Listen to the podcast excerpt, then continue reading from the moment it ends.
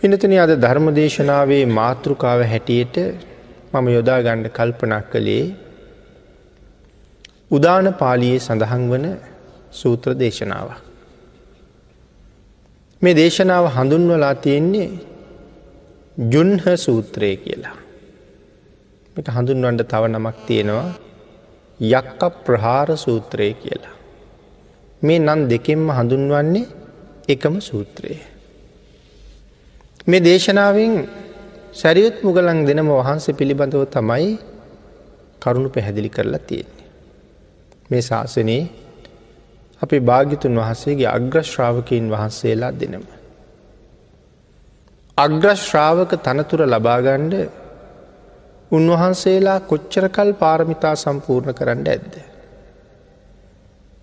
අතීතයේ පහළ වුණ අනෝම දර්ශී කියන සම්මා සම්බුදුරජාණන් වහන්සේගෙන් තමයි මේ දෙදෙනා වහන්සේම නියත විවරණ ලබාගන්නේ.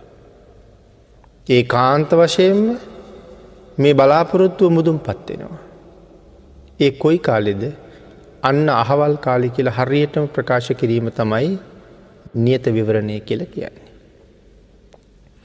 මහාකල්ප අසංකෙයකුත් ලක්ෂයක් පාරමිතා පුරන්ඩුවනේ. ඒ තරන් දීර්ඝ කාලයක් පාරමිතා සම්පූර්ණ කරලා තමයි ඔතෙන්ට ඇවිල්ලතිය. ඉතින් උන්වහන්සේලා කොයි තරම් මේ ශාසනයේ ශ්‍රේෂ්ඨද කොයි තරම් ප්‍රබලද කියන කාරණාවල් අපිට අපේ මුළු ජීවිත කාලෙම හිතලවත් කවදාවත් ඉවර කරන්න පුළුවන්කමක් නෑ තරම්ම මහා බල සම්පන්නයි එ තරම්ම මහාගුණ සම්පන්නයි. අග්‍රශ්‍රාවකයන් වහන්සේලා කියම ඉතාම විශේෂයි. අසූ මහාශ්‍රාවකයන් වහන්සේ නමකට හිතන්ඩවත් පුළුවන්කමක් නෑ අග්‍රශ්‍රාවකයන් වහසේ නමක් ගැන. කරුණු කාරණා තමන්ගේ හිතින් හිතන්ඩ බෑ කියන කාරණාව නෙමෙයි මේ කියන්නේ. උන්වහන්සේලාගේ හැකියාව ගවට කවදාවත් ලංවෙන්ඩ පුළුහංකමක් ඇත්තෙම නෑ. හරියට අහස පොලෝ වගේ පුදුම පර්තරයක් තියෙනවා. ඇයි අසූ මහා ශ්‍රාවකයන් වහන්සේ නමක් බවට පත්තෙන්ට මහාකල්ප ලක්ෂයයි පාරමිතා පුරලතියන්නේ. අග්‍රශ්‍රාවකයන් වහන්සේ ඒ ලක්සෙට අමතරව තවත් අසංකෙයක් වෙනම පාරමිතා පුරල තියෙනවා මෙතෙන්ට එන්ඩ. එනිසා ඉතාම ප්‍රබල තැනක ඉන්නේ. ඉළඟට අපි මේ සූත්‍ර දේශනාව පටන්ගන්න කලින් උන්වහන්සේලා පිළිබඳව ධර්මය හඳුන්වලා තියෙන හැටි කරුණු කීපයක් අටුවාව සඳහන් වෙන විදිහට කෙටියෙන් සෙහිපත් කෙරුවොත් එක තැනක සඳහන් කරනවා උන්වහන්සේලා දෙනම යම් තැනක ජීවත්වෙනවන. ආංගේ ජීවත්වෙන තැනට උන්වහන්සේලා ආභරණයක් වෙනවා කියලා. කෙනෙක් ආභරණ පලඳින්නේ ලස්සන වෙන්ඩ. එතකොට මේ ශ්‍රේෂ්ඨ උතුමන් වහන්සේලා දෙන එක තැනක ජීවත්වෙනවනම් හරියට ඒ ස්ථානයට ආභරණ පැළැන්දෙව්ව වගේ එතන බොහෝම සුන්දර තැනක් බවට පත්වෙනවා. මේ කරුණු එකක් එකක් ගාන දීර්ගව විස්තර කරන්න තියෙන කරුණු නමුත් කාලවේලාවත් එක් අපි ටිකක් කෙටියෙන් මේ කාරණා සෙහිපත් කරමු.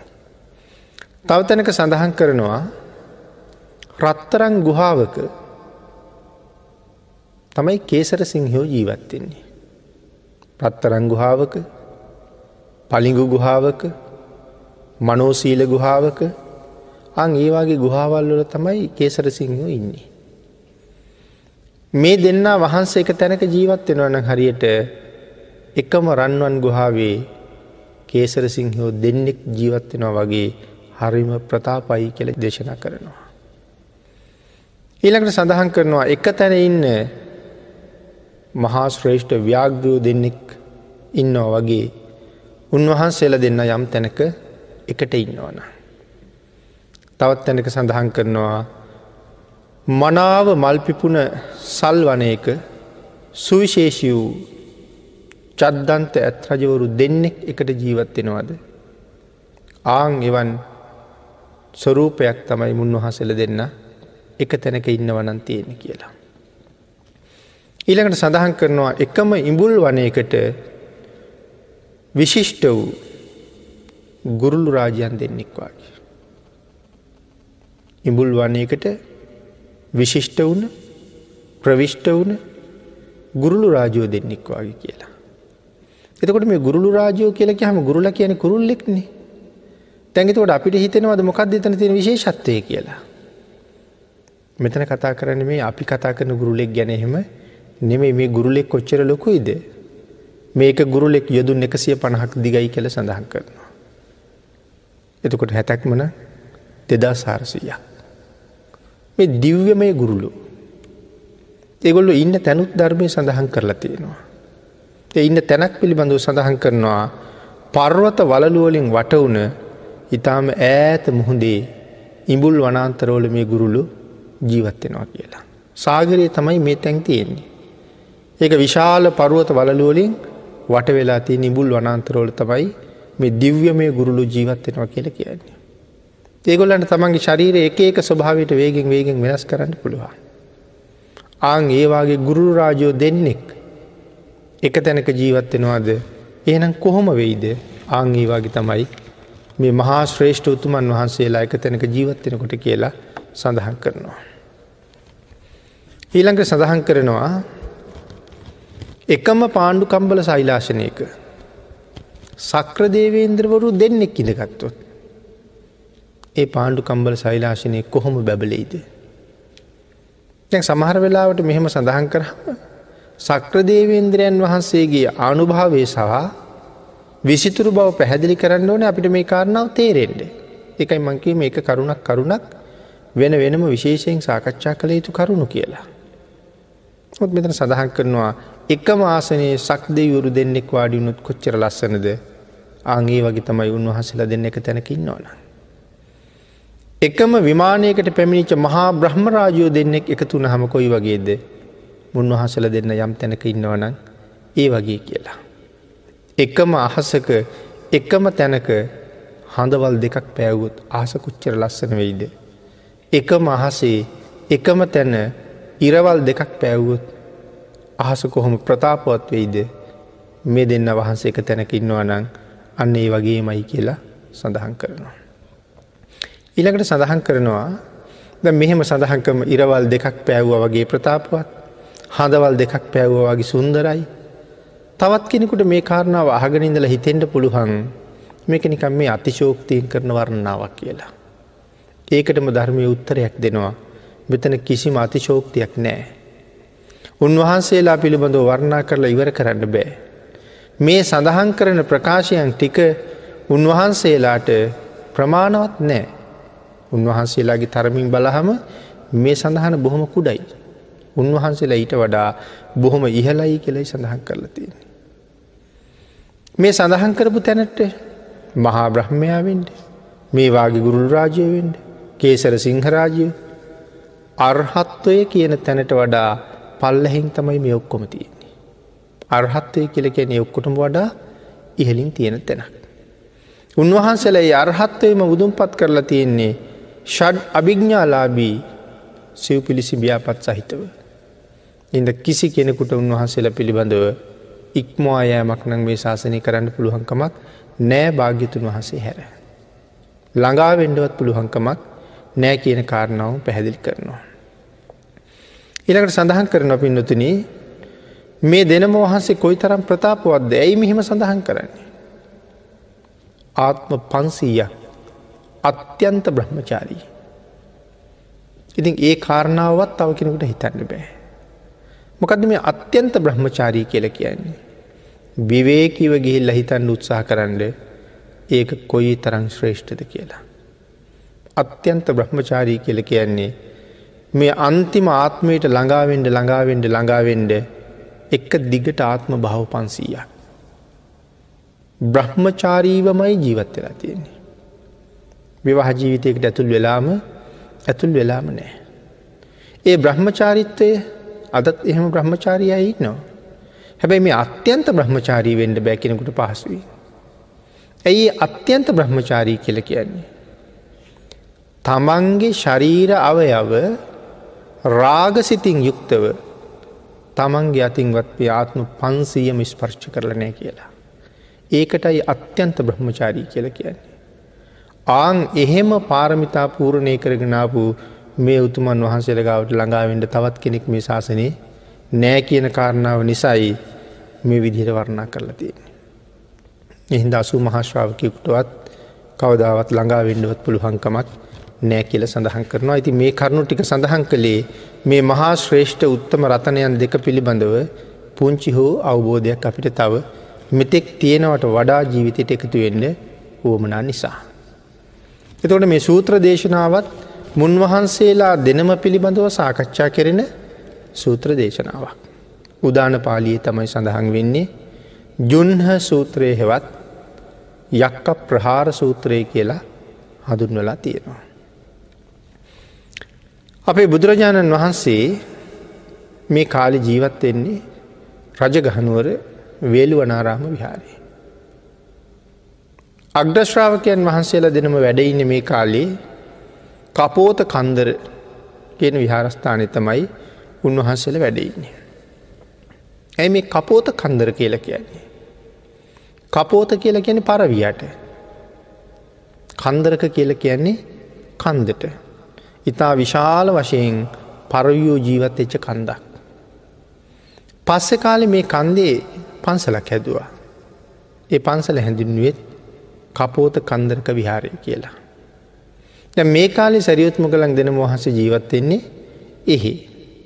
ඒ කාලි භාගිතුන් වහස වැඩඉන්නේ රජගහනුවර වේලුවන කියන විහාරී. එක දවසක් සැරියුත් මහරහතන් වහන්සේ හැන්දෑවි හිස බෑවා. හැන්දෑවි තමයි හිස බාලතියන්නේ. හොදට කෙස් බාලා උන්වහසේ හඳ එලීමේ ජුන්හ කියල කියන්නේ පුර පක්ෂය කියන එක. පුරපක්ෂයේ රාත්‍රීක කෙස් බාලා හඳ නැගිල තියෙනවා උන්වහස විවේකීව එලි මහනේ හැම පැත්තම හාත් පස පේන එලි මහනක. උන්වහස වැඩඉන්නවා. එක්තරා සමාධියකට සමවදිල තමයි වැඩඉන්නේ. මෙන්න මේ වෙලාවේ යක්ෂයෝ දෙන්නේ අහසින් යනවා. මේ යක්ෂයෝ දෙන්න දකිනවා සැරියුත් මහරහතන් වහන්සේ හඳේලී වාඩි වෙලා ඉන්නවා. හිස දිලිසෙනවා හඳේලියට. එක යක්ෂයකුට හිතෙනවා මේ ස්වාමීන් වහන්සේට හිසට පාරක් ගහන්ඩුවන කියලා. ටොක් අයින්න ඕන කියලා හිතෙනවා. එහෙම හිතිල දෙවනියක්ෂයට කියනවා මට මෙහෙම හිතෙනවනි. අර ශ්‍රමණයට ටොක්කක් අයින්ට. ඊට පස අනිත්‍යක්ෂය කියනවා හොඳයි සිතුවිල්ලන ඇති වුණට කමක් නෑ. හැබැයි ක්‍රියාත්මකනන් කරන්න යන්න එපා. ඔය ශ්‍රමණයා හරිම බලවත්. ඔය ශ්‍රමණය ඉතාම උතුම් ගුණ තියෙන කෙනෙක්. ඔය ශ්‍රමණයා හරි සිල්වත්. ඔය ශ්‍රමණයා මහානු භාව සම්පන්නයි. දෙන්න කවදාවත් ඔබට හිතිච්ච හිතුවිල්ල ක්‍රියාත්මකනන් කරන්න එපා. ඒ කරුණු සඳහන් කරහම දෙවනි පාරටත් අනිත්‍යක්ෂය කියනවා නෑ මට ටොක්කක් අනින්ඩ මයි හිතෙන්නේ කියලා. දෙවනි පාරත් මෙයා කියල දුන්නා එපා එක හරි භයානක වැඩක්. එහෙම කිව්වට අහන්නෑ මෙ අත්තුන්ගනි පාරත් කියනවා නෑයාලුවී මටනන් ටොක් අයින්ඩමයි හිතෙන්නේ කියලා. එහෙම කියලා මෙයා කියන කාරණාව අහන් නැතුව ටොක්ක කැන්න. හැබැයි ඒ ටොක්ක කොහොම ටොක්කක්ද. කොහොම ප්‍රහාරයක්දම අත්ත මිටමොලෝලා තම ගහන්න හිසට. ආගේ කාරණාව සඳහන් කරනවා ධර්මය ඒ කොහොම පාරක්ද කියලා. රියන් හත හමාරක් උස මධ්‍යම පුරුෂයකුගේ රියනෙන් රියන් හත හමාරක් උස ඇතෙකුට මිටමොලෝලා මේ පාර ගැහුවනන් ඇතා සම්පූර්ණයෙන්ම මහපොළො ඉගිලෙනවා කියල සඳහන් කරනවා. පොළොව කඩාගෙන ඇතා යට යන ඇත් තරම් ලොකු පාරක් ගහන්න. මහා පරුවතයකට මිටමොලෝ ළමයා ගැහුවනම් මේ පාර. එක් ගල් පරුවතය ගඟර වලං කෑලි කැඩෙන වගේ පතුරු පතුරු ගැලවෙනවා කියල සඳහන් කරන. තරම් මහ ප්‍රබල පාරක් කෙල්ල කරන. යක්ෂේක් ගහන පාරක්න. හැබැ මේ පාර ගහනවා මුගලන් මහරහතන් වස දකිනවා. යක්ෂය හැබැයි පාර ගහලා අනිත් යක්ෂයට කෑ ගහල කියනවා ඩයිහාමි ඩයිහාමි ඩයිහාමි කියල කෑ ගහන. මම දනවා මම දනවා මම දනව කියල කෑ ගන යර කිව ගහන්න එපා කියලා. එතකට මෙයට උඩ පිහිටලා ඉන්ඩ බෑඇඟ දැවිල්ල දැවිල් නිසා පොලොට වැටෙනොමය. ආගේ කාරණාවිදි සඳහන් කරනවා යොදුන් එක් ලක්ස හැට අටදාහක් උසයි මහමේරු පරෝත්තය කියලා. මහමුහුදෙන් යට යදු නසූ හතරදාහක් තියෙන මහමුහුදෙන් උඩට යදු නසූ හතරදාහක් තියෙනවා. හැබැ අපිට පේන්නේ අභිග්ඥාලාබීන්ට තමයි පේන්නේ. මේ දැවන්ත පරුවත රාජය උත්සගෙන ඉන්න මයි මහපොළොව කොයි තරන් ගණකං සහිතයිද. සඳහන් කරන මහපොළොව යොදුන් දෙලක් සහතලිස් දහක් ගණකටයි කියලා. ආන්ගේ දැවන්ත මහපොළොව යොදුන් එක්ලක්ස හැට අටදාහක් උස මේ මහාමේරු පරුවත රාජයා වගක්වත් නැතුව දරාගෙන ඉන්නවා. මේ පරුවතය මහපොලොට බරක් බරක් නෙමේ. නමුත් සඳහන් කරනවා මේ මහ පව්කාරය අවුස්සගෙන ඉන්න බෑවාගේ. මේ පරුවතය දරාගෙන ඉන්න පුළුවන්. නමුත් මේ උන්වහසට පහර ගහපු පෞකාරයක් දරාගෙන ඉන්න බෑවගේ මෙය මහපොලෝට වැටෙනවත් එක්කම මහපොළොව ඇත්තෙනවා. ඇත්තච්චි ගමන් අවිචයෙන් අප ගිනි දැල් මෙය වෙලාගෙන කෑ ගහද්දිහෙම මවිච්චිට අරයනවා. කියන කාරණාව සඳහන් කරනවා ඒ තරං උන්වහන්සේලාගේ ගුණ තේජස.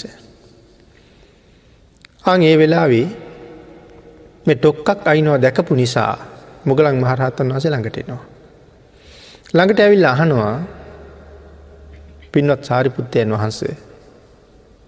සුවසේ වසන්ඩ පුළුහන්ද. බොහොම පහසුවෙන් බොහොම සුවයෙන් ඔබහන්ස වැඩ ඉන්නවාද. පිහිටලා ඉන්න පුළුහන්ද කෙලෙහු. ඕ මට එහෙම මොකොත් කරදරයක් නෑ මට අපහසුතාවෙන් නෑ මොකොත්. ඒ වනාට මක ඔළුව ටිකක් විදෙනවා කියල කියනවා.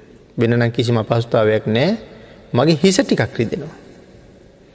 ආගෙහෙම සඳහන් කර හම්මුගලන් මහරතන් වසේ සඳහන් කරනවා බොහෝම ආනු භව සම්පන්නයි සාරිපුත්තයන් වහන්සේ. බොහොම ශ්‍රේෂ්ඨයි සාරිපුත්තයන් වහන්සේ. ඉතාම ඉර්දිවන්තයි සාරිපුත්තයන් වහන්සේ. ස්වාමීණී මොහොතකට කලින් ඔබහන්සේට යක්ෂෙක් ප්‍රහාරයක් කෙල්ල කළා. ආංගය වෙල උන්වහස තමයි කියන්නේ යක්ෂයාගේ ප්‍රහාරය කොයි වගේද මහ කන්දකට ගැහුවනං ඒ කන්ද පතුරු ගැලවෙනවා කියලා. රියන් හත හමාරක් උස ඇතෙකුට ගැහුවනං ඒ ඇතා සම්පූර්ණම මහපොළුවේ මහපොළුවේ ගිලෙනවා ස්වාමිනි ඒවාගේ පහරක්කු බොහන්සර එල්ල කළේ. ඒකයි ම මැහුව ඔබහන්සේට සුවසේ පිහිටලා ඉන්න පුළු හන්ද කියලා. ආංගේ වෙලැ සැරියුත් මහරතන් වහන්සේ තමන් වහන්සේ කොයි තරන් ඉරදි මද්ද කියන කාරණාව කියන්නේ නෑ. ඒ උන්වහසේ තරම්ම ස්වභාවෙන්ම නිහතමානී. ඒ මේ සිද්ධිය අවස්ථාව විතරක් නෙවේ මුළු ජීවිතය මෙහෙමයි.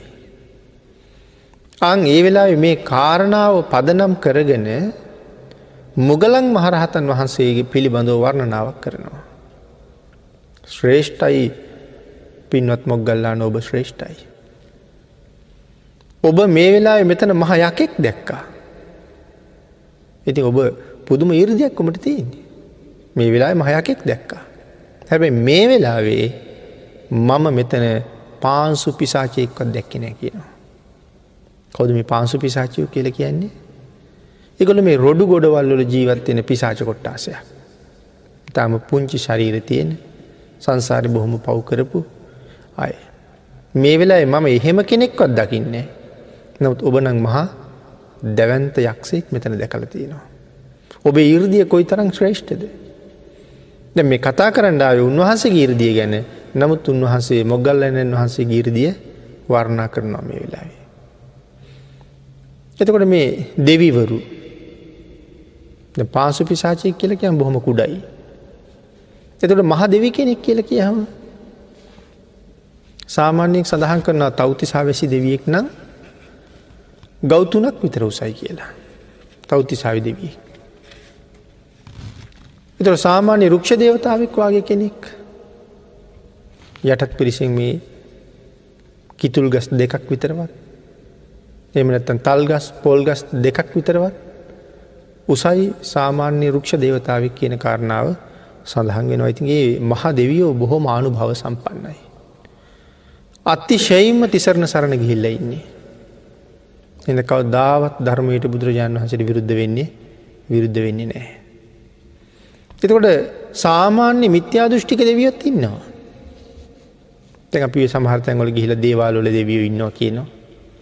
දේවාලොල ගිහිල පූජා පවත්වනවා දෙවියෝ ඉන්නවා කියලා. එත ඒ තැන්වල මේ මහදවියෝ ඉන්නවද කවදාවත්. මෙහෙම මහ බලවත් දෙවී කවදාවත් එතන ඉන්නේ ඉන්නේ නෑ. ඒකට තියෙන හොඳම උදාහරණයක් සඳහන් කෙරුවත්.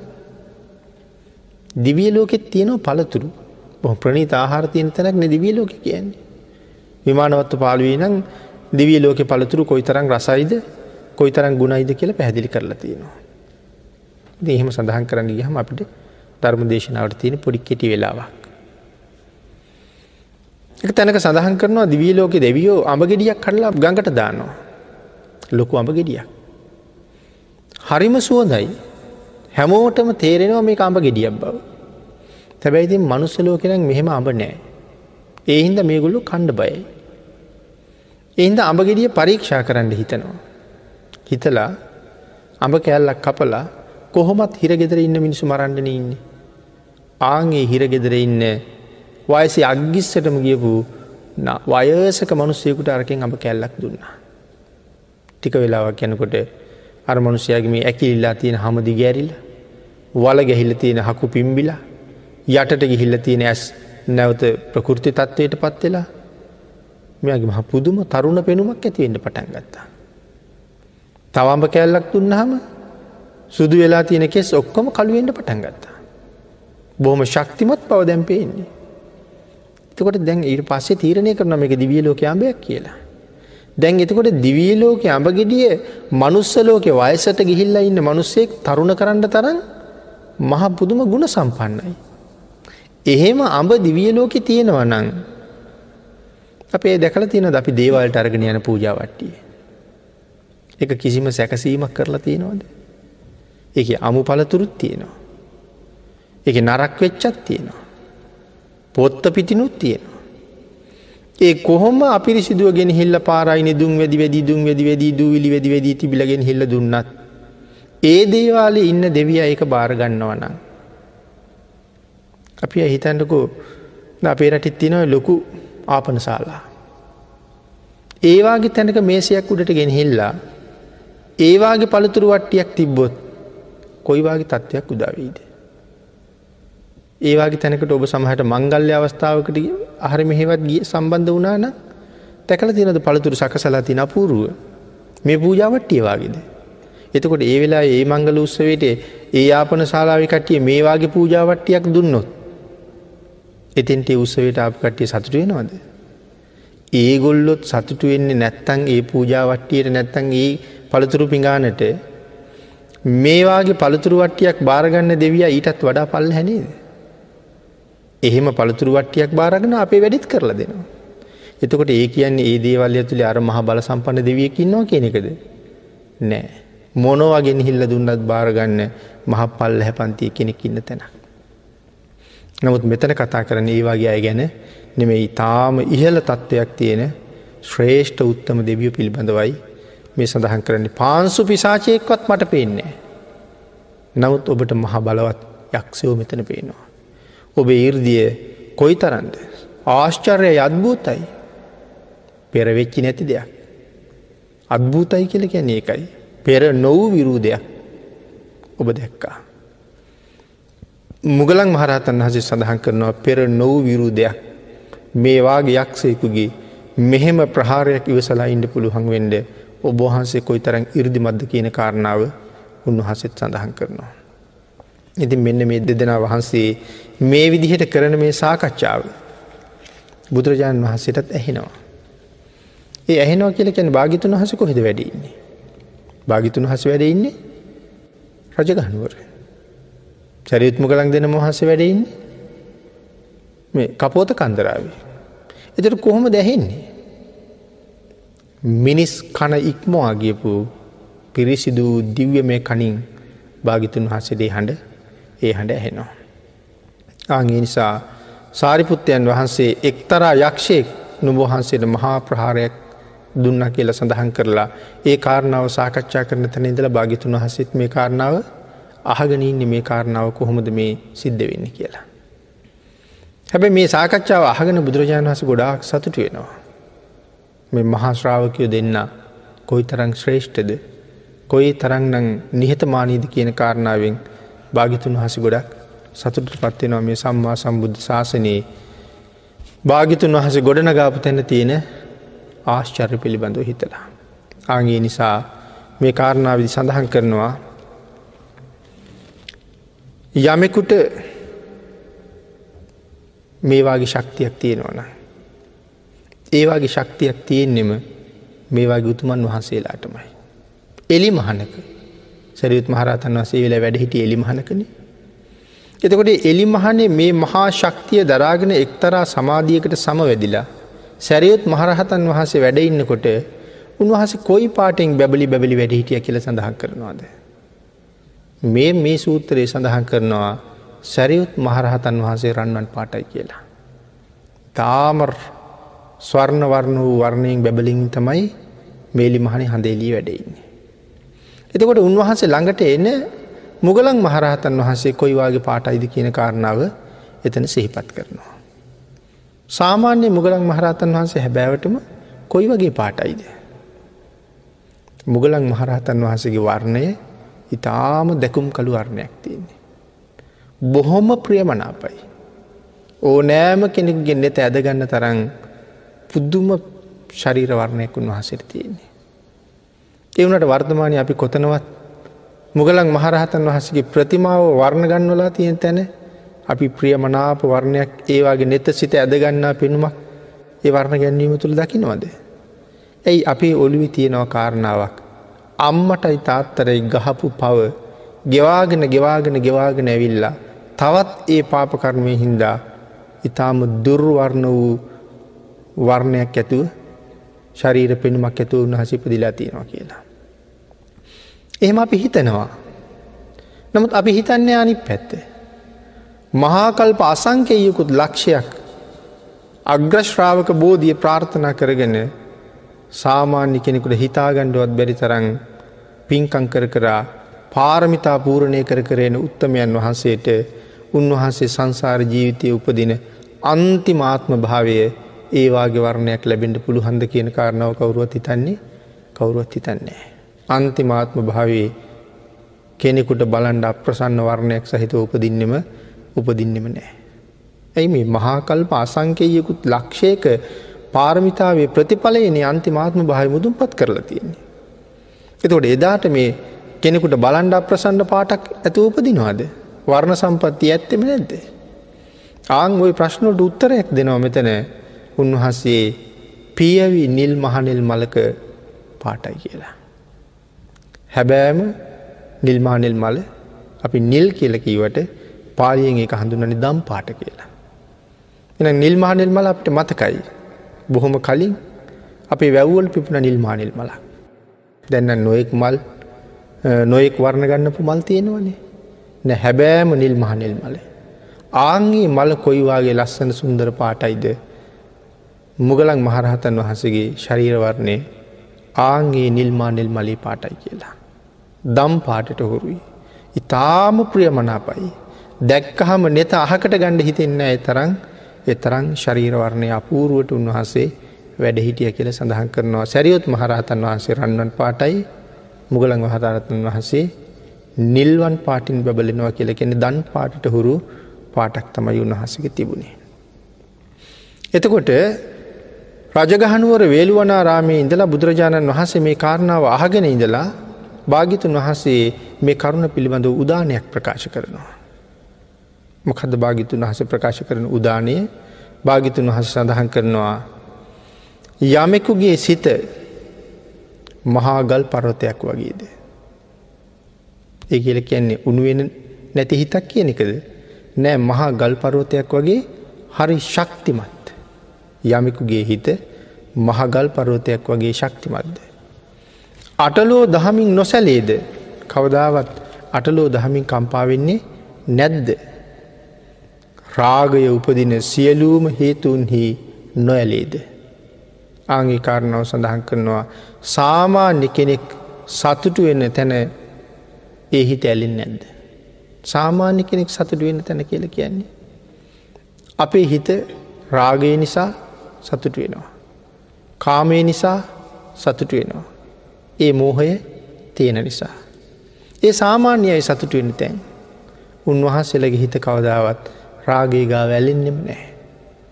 කාමේ ගාව රැඳෙන්නෙම නෑ. තන්හාාව එක්ක වෙලෙන්නෙම නෑ. එ සියල්ලෙම්ම මිදිල තියෙන්නේ. එනිසා මොන තරං සුවයක් බුක්ති විඳිනවද කියන කාරණාව සිතුවිලි මාත්‍රයකින්වත් අපිට කවදාවත් හිතාගණ්ඩවත් පුළුවන්කමකුත් නෑ. ආංගිකට තමයි කියන්නේ හැබෑම නිවන කියලා. මේ බුද්ධහගේ මෙ උගන්නන නිවන කවදාවත් මැරුණට පස්සේ ලැබෙන නිවනක් ගැනද. මේ ලෝකෙ තවත් හුඟක් ආගං තියෙනවා. නොෙක් ලබ්දීන් තියෙනවා. ඒ හැම ආගමකම හැම දර්ශනයකම සදාකාරික සෝයක් පිළිබඳවත් කතා කරනවා. හැබැයි ඒ සුවේ ලැබෙන්නේ කොයි කාලෙටද ඒ හැම ආගමකම ඒ ලැබෙන අන්තිම ප්‍රතිඵලය හම්බ වෙන්නේ මැරුණට පස්සේ. එහෙමනං මරණයට කලින් ආංගේ ශ්‍රේෂ්ඨ නිවන ශාක්ෂාත් කරන්න පුළුවන් තැනක් දේශනා කරපු ශාස්තෘුවරයෙක් මේ ලෝකෙ පහළ වුණා නං ආංගේ ශාස්තෘන් වහසට තමයි කියන්නේ සම්මා සම්බුද්ධ කියලා. බුද්ධහගමය උගන්නන නිවන මැරුණට පස්සේ හම්බෙන එකක් නෙමෙයි ජීවත් වෙලා ඉන්න වෙලා ලැබෙන නිවනක් ගැනයි භාගිතුන් වහස දේශනා කරන්නේ. මේ සඳහන් කරන්නේ ආං ඒ නිවන ශාක්ෂාත් කරපු උත්තමයන් වහන්සේලා පිළිබඳවයි සාමාන්‍ය මිනිස්සු යම් තැනක යමක් දැකළ සතුටුවෙනවාද ආන්ගේ තැන්වල සතුට නොවන්නේද. එකීවේ රාගය උපදින සියලූම හේතුන්හි උන්වහන්සේලා නොඇලිලා ඉන්නේ. එනිසා රාගික ධර්මතාවයක් එන්නෙම නෑ. කාමුක ධර්මතාවයක් එන්නෙම නෑ. මෝහ සහගත තෘෂ්ණා සහගත හැඟීමක් කවදාවත්ම එන්නේ නෑ. කෙලෙස් ඉපදීමට හේතු ආගාත වස්තුවෙහි නොකිපේද. මොකද මේ කෙලෙස් උපදින්ට හේතුන ආගාත වස්තුව කියලකැන. ආගාතය ආගාතය කියන කාරණාව පැහැදිලි කරලා තිනවා ආගාත පටිවිනේ සූත්‍රයේ. ආගාතය කියල කැන දවේශය කේන්තිය යම් කෙනෙකුට මේ කේන්තියක් ඇතිවෙන්නෙම නැද්ද. කේන්තිය උපදින්න යම් හේතුවක් මේ ලෝකෙ තියෙනවා නං ආන්ගේ කේන්තිය ඇතිවීමේ හේතුව සම්පූර්ණයම සමූල ගහතනය කරලා තියන්නේ. එනිසා කේන්තියක් උපදින්නේ උපදින්නේ නෑ. කේන්ති ගන්න එකේ භයානකත්වය මේ සූත්‍රයෙන් පැහැදිලි කරනවා. මොකද කේන්ති ගන්න එකේ භයානකත්වේ. අර යක්ෂයට හිතුනනේ සැරියුත් මහරහතන් වහසට ටොක්කක් කනින්ට. දැක්ක ගමන් හිතුනෙ ගහන්ඩ. ඇයි ගහන්ඩ හිතෙන්නේ. තරහක් තියෙන හින්දා. තරහක් තිබුණි නැත්තම් මොනොද හිතෙන්නේ. තරහක් තිබ නැත්තං දැක්ක ගමන් හිතෙන්නේ ගිහිල්ල වඳින්ට. එනට මෙයට වඳින්ට හිතුනද යට වඳින් හිතුන යට හිතුන ගහන්ට. ආංගේ කාරණාව සඳහන් කරනවා. අපිටත් ජීවිතය ඕකට හොඳට අත්දැකීම් තියෙනවා. අප පින්නතන හිතල බලන්ඩකු සමහර පුද්ගලයෙක් මුණ ගැහුණ හම. ඒ පුද්ගලයා මට මේ ජීවිතය කිසිම වචනයක් කියලත් නෑ. මට කිසිම පාඩුවක් කරලත් නෑ. සමහරලාට මාත් එක කතා කරන්නේ බොහෝම ලිංගතුකමී. සමහරලාට ළඟ ගෙදරක නම් උයාගත්ත දී අරගෙන විල්ලත් අපේ ගෙදරට දී ලහුව මාරු කරගන්න තරන් ලෙංගතුයි. ඒ වුණට මේ මනුසය අපිට එච්චර ලෙංගතුව කතේරු කෙරුවත් මට ඒ මනුසය දකිනට ඇතිවෙන මහපු අප්‍රසන්න හැඟීමක්. මට කතා කරන්න හිතෙන්නේ. මට ඉස්සරහට මූුණ දෙන්න යන්න හිතෙන්නේ. සමහරලට එය ඇවිල්ල ගෙදරින් යනකම්මන් ඇතුළට වෙලා ඉන්නවා. ආං එහෙම තත්වයන් අපිට ඇති වෙනවා එක කෙනට එක විදිහට එක පුද්ගලිය පිළිබඳව. කිසිම වරදක් අද වෙලා නැති වුණාට ඇයි ඒ පුද්ගලයක පිළිබඳව අපිට අමනාප හිතක් ගොඩ නැගෙන්නේ. අද නෙමේ පෙර ඔහුත් එක මගති නමනාපයක් අදත් ඒ විදිර දැනෙන්ට පටන් ගන්නවා. අරයක්ෂයටත් ඒක යුනේ. අද සැරියුත් මහරහතන් වහන්සේගෙන් ඔහුට කිසි කරදරයක් වෙලත් නෑ. ඔහුගෙන් තාම උන්වහසට කරදරයක් වුනිත් නෑ. නමුත් දැක්ක ගමන් වඳින්ට හිතුනෙත් නෑ අනිත්‍යක්ෂයා කිව එපා පහර දෙන්න එපා මහ බලවත් මහ සිල්වත් මහානු භව සහිතයි කියලා නමුත් මෙයට හිතුනි පාරක් ගහන්ඩමයි. මෙච්චර කිව්ව එපා කියලා. එනම් ඒ පෙරතිබිච්ච ආඝාතයක්. එතකොට ඒ ආඝාතය කොයි තරන් අපේ සංසාරයට භයානක විදිහට බලපායිද. දැ බානක තව කෙනෙක් පිළිබඳ වන කේන්තියක් ඇති වුණට කමක් නෑ. දැ මෙයාට කෙලින්ම කේන්ති ඇති වුණේ කවරු ගැනද රහතන් වහස ගැන. ප්‍රතිඵලයමකක්ද. මහපොලෝ පලාගෙන වීචීට මර්ගෙන ගිය. ආගේ හින්දා භාගිතුන් වහසේ ආගාත පටිවිනේවාගේ සූත්‍ර දේශනා කරලා අපට පැහැදිලි කලා කේන්තිගන්න නැතිව ජීවත්තයට පුරුදුවෙන්ට. කේන්තිය නැතිකර ගන්න ක්‍රම ගණනාවක්ගේ සූත්‍රවල දේශනා කරලා තියෙනවා. මොකදෝක දිගින් දිකට දිගින් දිකට සංසාරි ගිහිල්ල. අපි අකමැති අපිත් එක වෛරක්කාර කෙනා ඊළඟාත්ම භාවි රහත් වෙලා වෙන්න පුළුවන්. නමුත් ඒ කේන්තිය මතු වෙලා වරදක් කිරුත් අපිටමයි අපිටමයි පාඩු. අපේට මතකයි නේද පුක්කු සාති මහරජ්ජුරුව. අනාගාමි වෙලා ඉන්නකොට එල දෙනක් කැනල මැරෙනවා. ධාරුචීරිය මහරහතන් වහන්සේ. අනාගාමි වෙලා ඉන්නකට ධරුචීරිය රහතන් වහන්සේ. අරහත්වයට පත් වෙලා ඉන්න වෙලාවේ. උන්වහසිරත් එල දෙනක් කැනලා මැරෙනවා. සුප්ප බුද්ධ කුට්ටි කුෂ්ට රෝගයා සෝවාන් වෙලා ඉන්න වෙලාවි එල දෙනක් කැනල මැරෙනවා. තම්බ දාටික චෝර යන මාර්ග පල් ලබල නෑ නමුත් සැරියොත් මහරහතන් වහසට දානය පූජ කරලා හරි සතුටින් ඉන්න වෙලාවේ. ඒත් එල දෙනක් කැනලා මැරෙනවා. මොකක්ද මේක ප්‍රතිඵලය. කෞුද මේ අනින්නේ.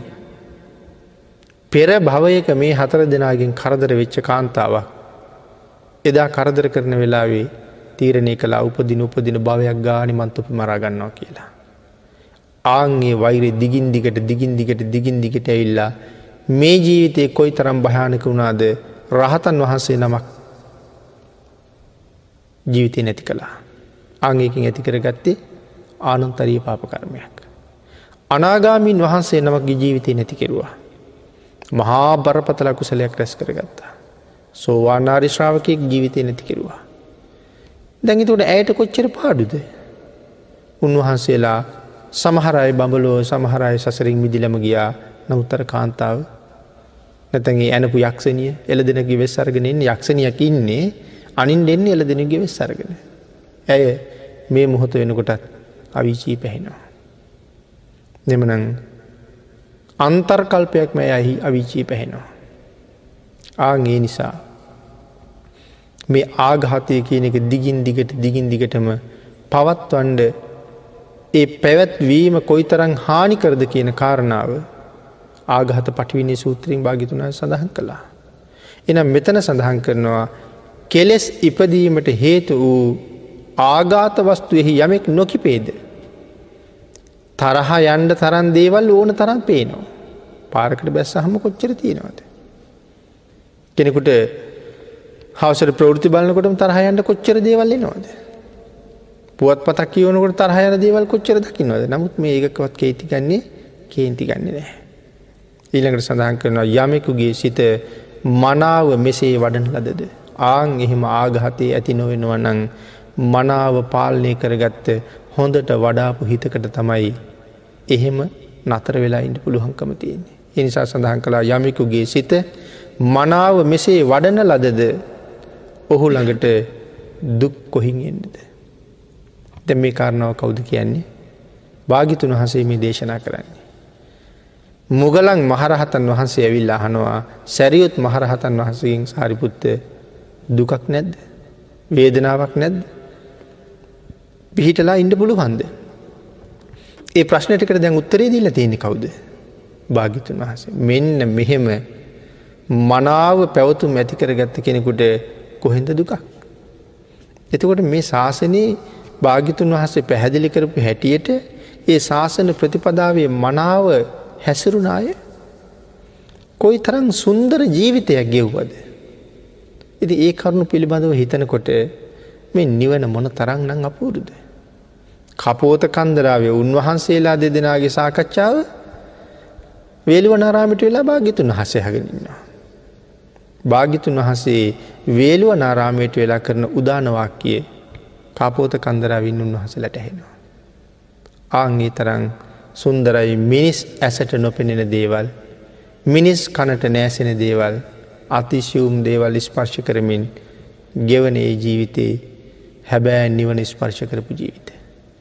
ධර්ම දේශනාවට තියෙන කාලයේ නිමා වෙලා නිසා මේ ජුන්හ හෙවත් යක්ක ප්‍රහාර කියන සූත්‍ර දේශනාවෙන් අපේ ශාසනයේ අග්‍රශ්‍රාවකයන් වහන්සේලා දෙනම වන සැරියුත් මහරහතන් වහන්සේත් මුගලන් මහරහතන් වහන්සේත් කොයි වගේ ශ්‍රේෂ්ඨද උතුම්ද කියන කාරණාව පිළිබඳව අබමල් රේනුවකට තරං පුංචි කාරණත් ටිකක් අපි සාකච්ඡා කරගත්තේ ශ්‍රාවක සංඝයා පිළිබඳව අපේ හිතී තියෙන ශ්‍රද්ධාව වඩා වර්ධනය කරවාගණ්ඩ මේ කරුණු නැවත නැවත සිහිපත් කිරීම අපිට හරි වටිනවා.